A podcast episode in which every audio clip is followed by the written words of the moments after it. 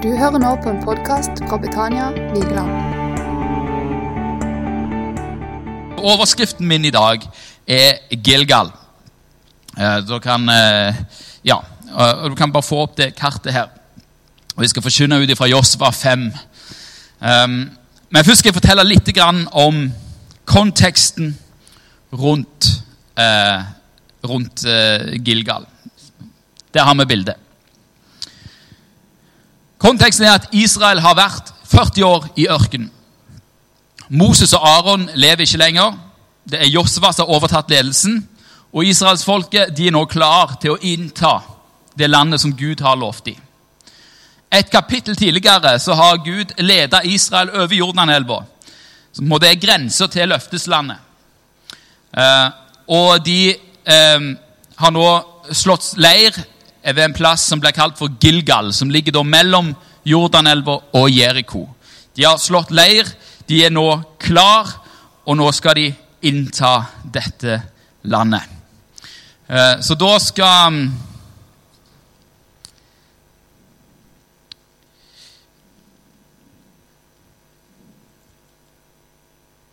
Før jeg begynner å lese teksten, så skal jeg bare fortelle litt om en sånn rød tråd som går igjennom eh, Josvas bok, for så vidt òg deler av Mosebøkene. Eh, og det er at eh, dette er Herrens verk. Dette er Gud som er initiativtaker her hele veien. Eh, Man leser i Mosebøkene om at Josvas opprinnelige navn var Hosea. At han het ikke opprinnelig Josva. Han het Hosea. Hosea betyr frelse. Mens Josva, som kommer av det hebraiske Jeheshua, det betyr Herren frelse. Så han, han, han, han, fikk et nytt navn. Hans navn betydde frelse. Og da er det lett å tenke at eh, ok, jeg skal føre frelse.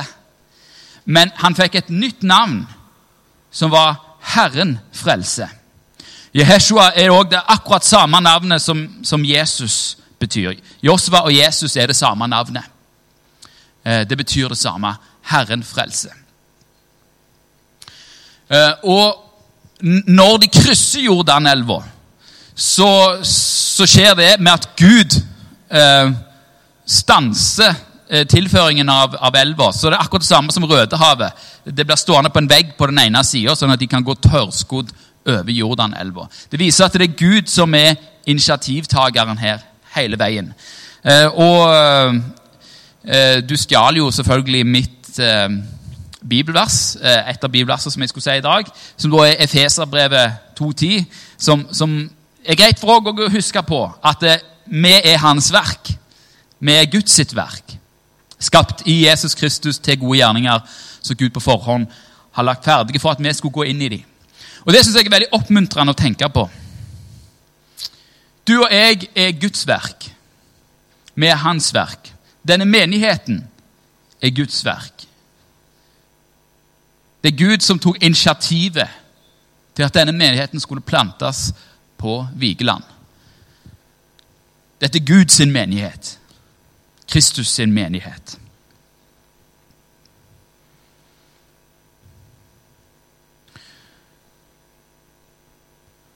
Og som jeg så på fredag, så skjer det ting i denne menigheten. Man ligger der, og man er klar. Gud er her. Gud beveger seg her i denne menigheten. Men så har vi det, kommer nå til, til det vi skal gjøre, til, til Gilgal. Nå skal vi lese teksten. og Jeg skal bare be en bønn før vi leser den teksten. Kjære Jesus, eh, takk Herre for at du er For at vi er ditt verk, Jesus. Eh, Og for at du har en vilje, Herre, med våre liv. Og du har en vilje med Betania som menighet. Eh, Og du har en vilje med dette landet. Og du har en vilje med denne verden. Eh, Og det at alle mennesker skal komme til sannhetens erkjennelse om at du er Gud.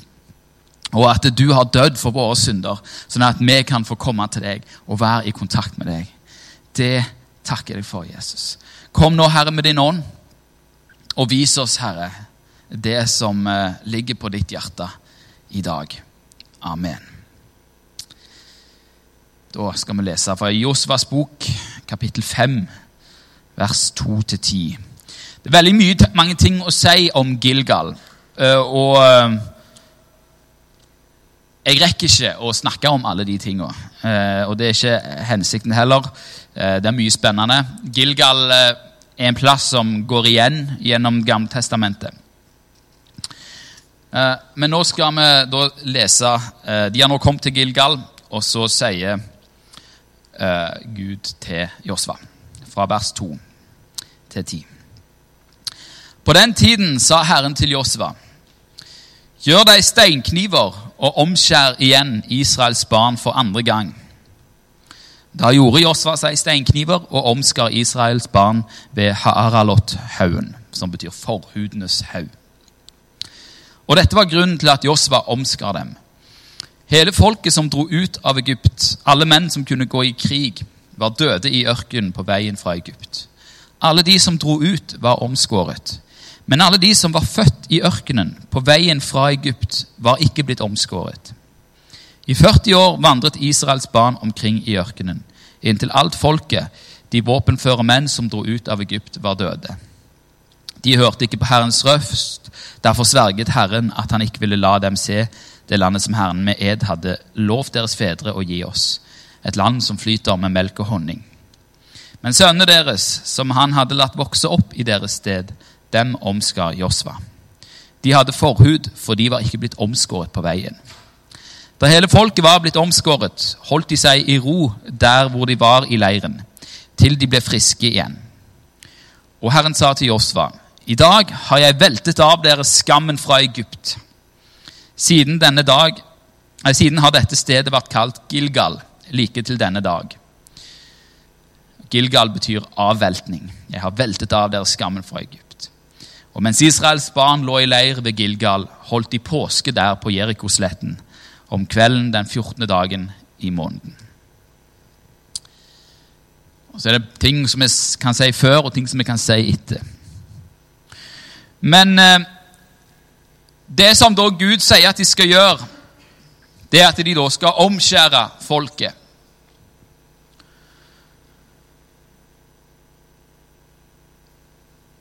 Hvis du hadde spurt meg som et vanlig menneske, eller hvis du hadde spurt en militærstrateg at når du skal eh, innta et, altså, Den mest sårbare plassen eh, i en invasjon vil sannsynligvis være i begynnelsen, idet du på en måte har gått inn i landet og du har, du har egentlig ikke tatt noen ting. Den første på en måte inntoget er, er kjempeviktig da virker det ganske kontraproduktivt på meg, og sikkert på militærstrateger òg, å omskjære folket, som da vil gjøre alle sammen ute av stand til å slåss. De vil være ute av stand til å slåss eh, for ei tid. Fordi omskjærelse er en smertefull opplevelse. Hva er poenget? Hvorfor tok man denne risikoen? Hvorfor er det, hvorfor er det det første Gud bestemmer seg for å gjøre når de har krysset Jordanelva? Hvorfor, hvorfor omskjæring? Kunne de ikke bare de, de reiste noen steiner og sånt, og litt sånt, og, og den skjønner vi på en måte. ok, Vi skal markere at her går vi inn. Men hva er greia med omskjæring? Du er jo fryktelig sårbar da for et fiendtlig motangrep.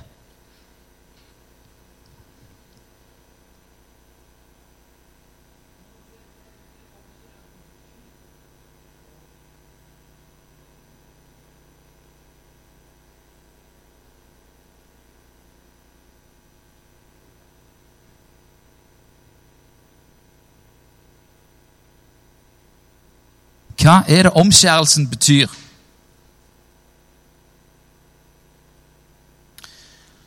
Omskjærelsen handler om identitet. For en som er av israelsfolk, for en som er jøde, den dag i dag, hva er det som er tegnet? Selve tegnet på at du er jøde? Jo, det er at du er omskjært. At du er omskåret. Litt sånn flåsete sagt så leste jeg ei T-skjorte i Israel en gang som var litt sånn den var veldig flåsete, da, men det, du, du, skjønner greia. Der det sto I'm Jewish, wanna check. Jeg er jødisk, har du lyst til å sjekke? Som da var en veldig sånn flåsete ting. Men, men, men det viser på en måte ja, Hva er det som, som viser om du er en jøde? Det er om du er omskåret.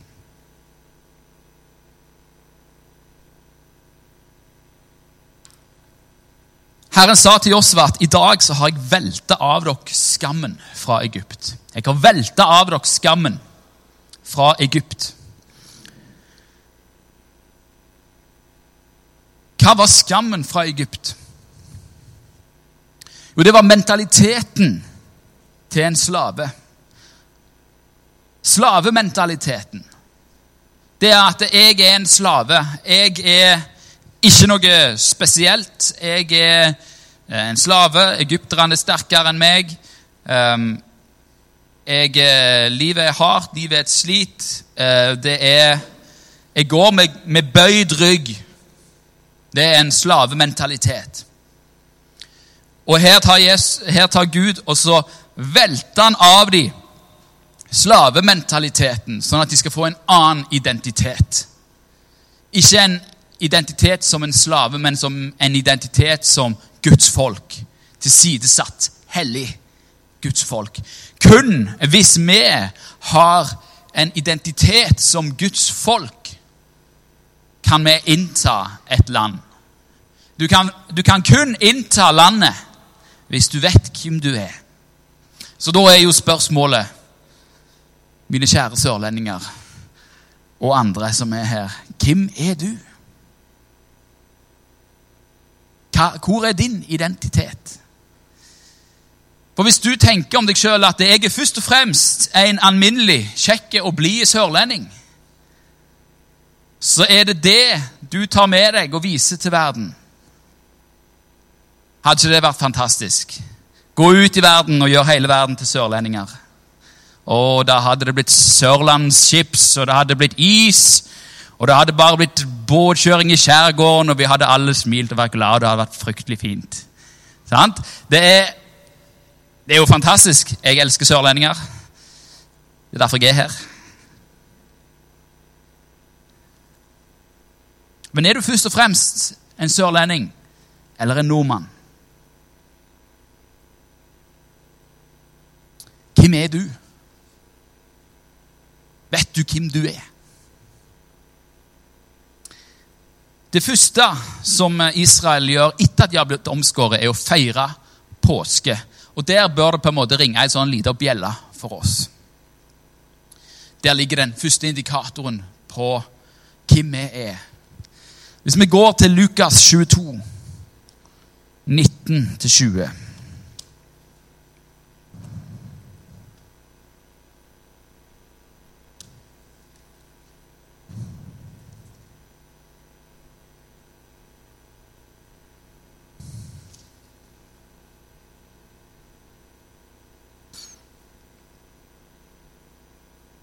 så er det når Jesus tar og eh, introduserer nattverden for første gang.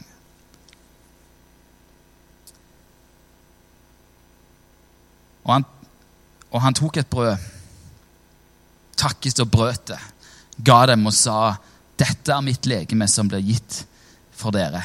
Gjør dette til minne om meg.' Likeså tok han begeret etter aftensmåltidet og sa, dette begeret er den nye pakt i mitt blod, som utgytes for dere. Altså, man brøyt brødet. Brødet er et bilde på Jesus. Man brøyt det. Og så spiste alle sammen en bit av det brødet. Og Det som vises i det bildet, er jo at Kristus ble brutt for å ta bolig i oss. På samme måten så ble hans blod ble utgitt for at vi skulle få del i hans blod. Sånn at når vi har tatt imot Jesus, vi har gitt vårt liv til han, vi tar del i dette måltidet, vi tar del i denne nye pakten, så blir vi Så blir Jesus en del av oss, og vi blir en del av Jesus.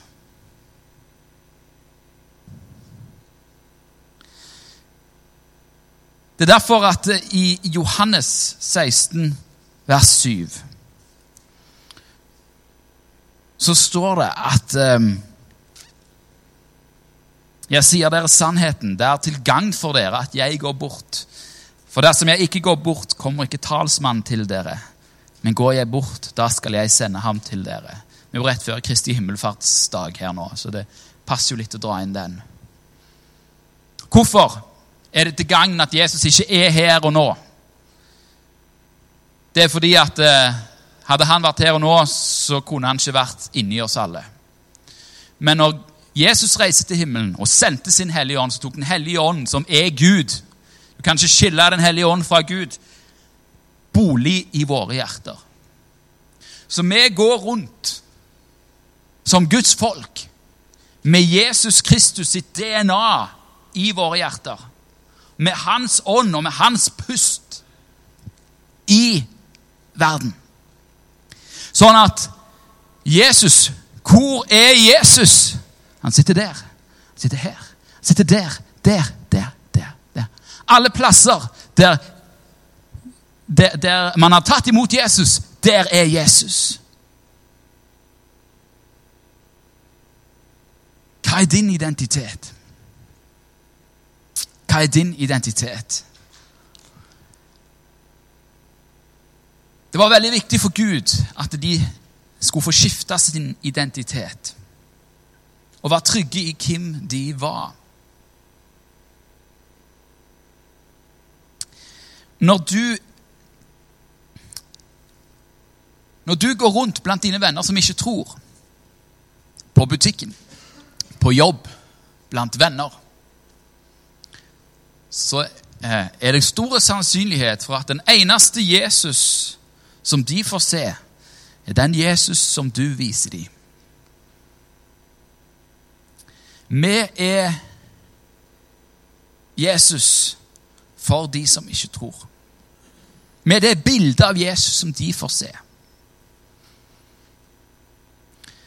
Og hvis, hvis, hvis jeg viser dem en vanlig, kjekk vestlending som jeg er, da Håper jeg. Så er, det, så er det det de får se. Da tenker de at ja, Jesus er en vestlending. Eller, ja. det, det fører ikke til noen forandring. Men hvis jeg ikke fornekter den jeg er, men tar den jeg er med meg i alle ting jeg gjør, så leder det til menneskers frelse. Så vil mennesker se Jesus. Og så har vi jo en sånn ting her i, i dette landet som kalles for janteloven. Eh, jeg er ikke så stor fan av janteloven, men jeg har lært én ting. At eh, janteloven den skal jeg bruke til min fordel. For det er sånn i vår kultur at med mindre vi er helt sikre på at alle rundt oss tror, altså, tror på Jesus, så snakker vi ikke om Jesus. Religion og politikk det er, er liksom tabu i det norske folket.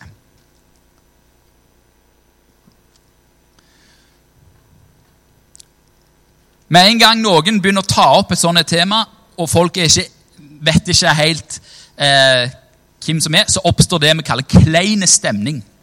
Har noen her merka det? Hvis det plutselig kommer en veldig sånn politisk uttalelse en eller annen plass, eller en veldig eh, Enten at man snakker veldig ned om Gud, eller, eller eh, snakker Gud veldig opp, så vil det oppstå et eller annet kleint. Det skjer automatisk. Med kulturelt eh, Hva skal vi si? Med kulturelt eh, låst i, i, i, den måten å tenke på. Vi tenker sånn alle sammen. Jeg òg tenker sånn. Uh, og, og, det kan føre til at vi, vi legger igjen litt av hvem vi er i møte med verden. At vi, vi skjuler lite grann hva vi har, hvem vi er, istedenfor å være åpne om hvem vi er. Eh, jeg skal gi noen sånne konkrete eksempler på dette, her, sånn at dere kan le litt av meg og, og le litt sammen med meg. Eh, Jeg var på jobb. Jeg har vært i en ny jobb nå dette, dette året. Eh, Og jeg har nettopp gifta meg, og så var det en som spurte Ja, har dere, har dere bodd sammen før, før dere gifter dere? Jeg tror på Jesus. Og i, vår, eh, i min forståelse av ordet så skal man ikke bo sammen før man er gift. Eh, Så da burde jeg jo ha sagt det.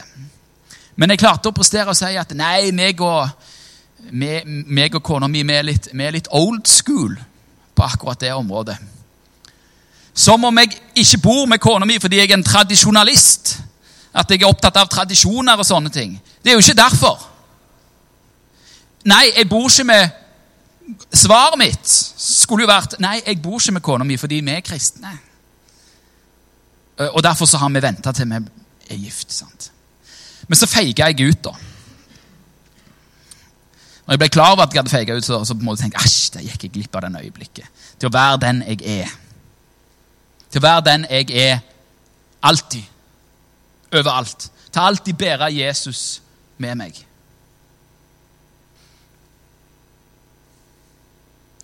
Det var en bursdag for eh,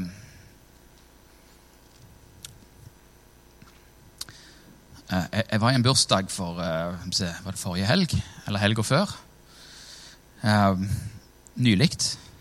Eh, og der eh, Det er litt morsomt, for det er en kompis av meg som jeg har kjent hele, hele livet. Eh, men han, eh, han, han tror ikke. Og, og jeg var i hans bursdag. Eh, Og jeg eh, sa til meg sjøl at eh, ja, her kommer vi til å treffe mange mennesker som ikke tror. Det som er så fint med han da, det er at han pleier å introdusere meg som Halleluja-Thomas. Så da er jeg jo på en måte allerede plassert. Bam! Ok, det er han kristne. Så kunne jeg bare sitte der og høre på folk og snakke om folk, og da snakker vi jo om sånne ting. Da forstår alle at ok, det er greit å snakke om tro og tvil og sånne ting med han her. Og så var det en som snakket om og fortalte meg at ja, han er ateist. Og han har alltid vært ateist. Og, og jeg bare sa ja, det er mange som er det. Og ja, jeg hørte på han. Ok, ja, ja det, er, det er mange som tenker sånn som du tenker. Jeg sa ingenting, egentlig. Bare satt og hørte på han. Var der, var et medmenneske, prøvde å se han, prøvde å se hans perspektiv. Og vi satt og snakket, der var en gjeng. Og så plutselig bom! Mamma har kreft.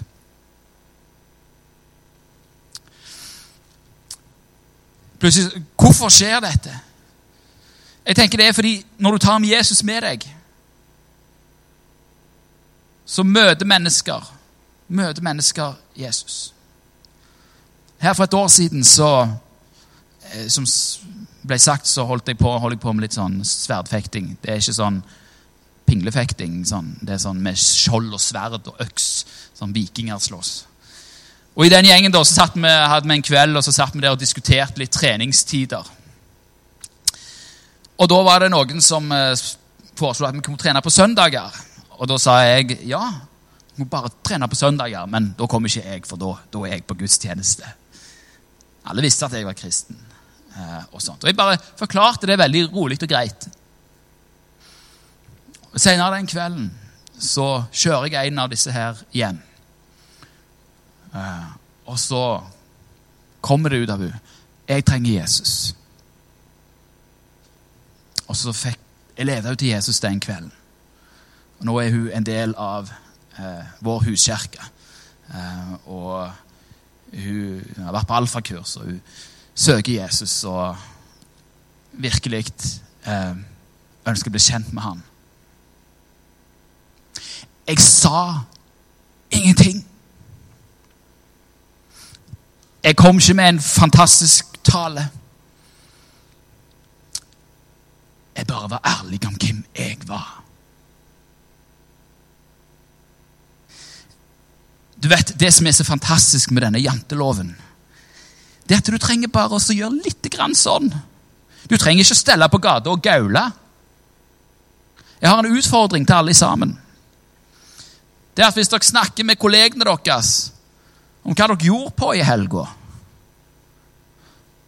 så utelater du ikke at du var på gudstjeneste. At du var på møte. Ja, og så var jeg der. Og så kan du vente på den kleine stemningen i rommet. Det er helt fantastisk. Men det kan òg være at, tenk, at, da tenker noen å, nå har han åpna ei dør, så nå kan jeg snakke om tro og tvil og alt mulig. Du har ikke gjort noen ting galt. Du har vært deg sjøl. Før du vet ordet av det, så begynner folk å spørre og dele og undre seg. Det handler bare om å være den du er. Å være den du er alltid. Og det er noe av det jeg tror Gilgal handler om. Du må vite hvem du er, og du må våge å være den du er. Overalt der du går. En annen ting med dette her, med omskjæringen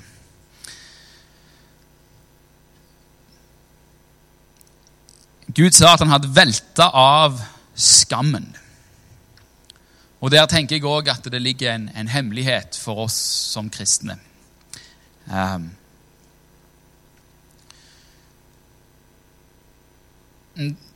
den delen som blir omskjært, er jo en, en, del man skjuler for mennesker. Det er ikke noe man går og viser fram. Hvis du går og viser fram det, så blir du arrestert. Som til kør og bør. Det er noe som er ja skambelagt. Men det som er skambelagt i livene våre For at vi skal være Guds folk, for at vi skal virkelig ta denne identiteten til oss, så må det som vi skammer oss over i livet, fram i lyset. Og så må det under kniven. Og det er vondt. Det er vondt å måtte deale med gamle sår, med gammel skam. Med de tingene som du ikke har lyst til å dele til noen. Men det er så viktig hvis vi skal gå framover og være, leve et seirende kristent liv. Det å bli utfordra på skammen. Jeg har blitt utfordra på skammen. Jeg har faktisk blitt utfordra på skammen her. I denne menigheten. Jeg har sittet her, og det har blitt forsynt, og så har Gud kommet. Så har han møtt meg. Og så har jeg blitt blottstilt, og det er ikke kjekt. Det er vondt, men det er så viktig. Sånn at eh, Egypts skam ikke skal bli hengende ved oss men at vi kan velte den av.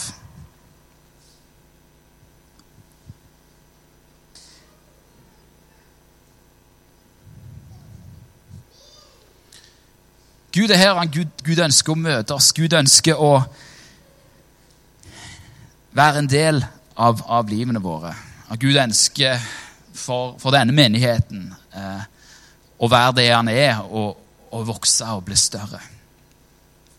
Og jeg tror at eh, en av de viktigste tingene vi kan gjøre for å bli sånne mennesker og for å bli en sånn menighet, er å eh, være åpen med våre feil og mangler. Være åpen med det vi, som har vært skambelagt. Og så få Den hellige ånd til å røske opp i dette. Den dagen jeg møtte Gud på dette, her, så hadde jeg allerede vært her inne i dette huset. Det er to år siden nå. Så hadde jeg allerede vært eh, i en prosess i lange tider. Eh, og over meg her så ble det profetert over meg om at jeg skulle ta en Kom til å være i en situasjon eh, der jeg måtte ta et valg, og at Gud ville være med meg i det valget. Jeg skjønte ikke så mye av det da. Men jeg skjønte det et par-tre uker etterpå eller et par måneder etterpå, eh, når jeg traff hun som jeg nå er gift med. Så Gud brukte denne menigheten, denne forsamlingen, for å gi meg et ankerpunkt eh, inn i noe som jeg syntes var skummelt. Det å skulle eh, tilnærme meg et annet menneske og gifte meg og sånne ting. Og jeg tenker at eh, Det å så eh, Man skal ikke se ned på det man er. Verken som menneske eller som menighet. Som mennesker så bærer dere Kristus. Og som menighet så er vi Guds rike her, eh, her vi er. Og jeg tenker at eh, jeg tenker at jeg ønsker egentlig å avslutte der. Eh, jeg håper at Gud har vist deg noe om hvem du er, og hva slags kraft som ligger i at du er den du er. Ikle dere Herren Jesus Kristus. Du er Guds barn. Du er Guds menighet. Der du, dere er Guds menighet. Dere er Guds folk. Guds rike er her. Så håper jeg at når jeg kommer igjen, så er det enda flere folk her. Og at vi hører historier om mennesker som har møtt Jesus og blitt satt i frihet og blitt kjent med han.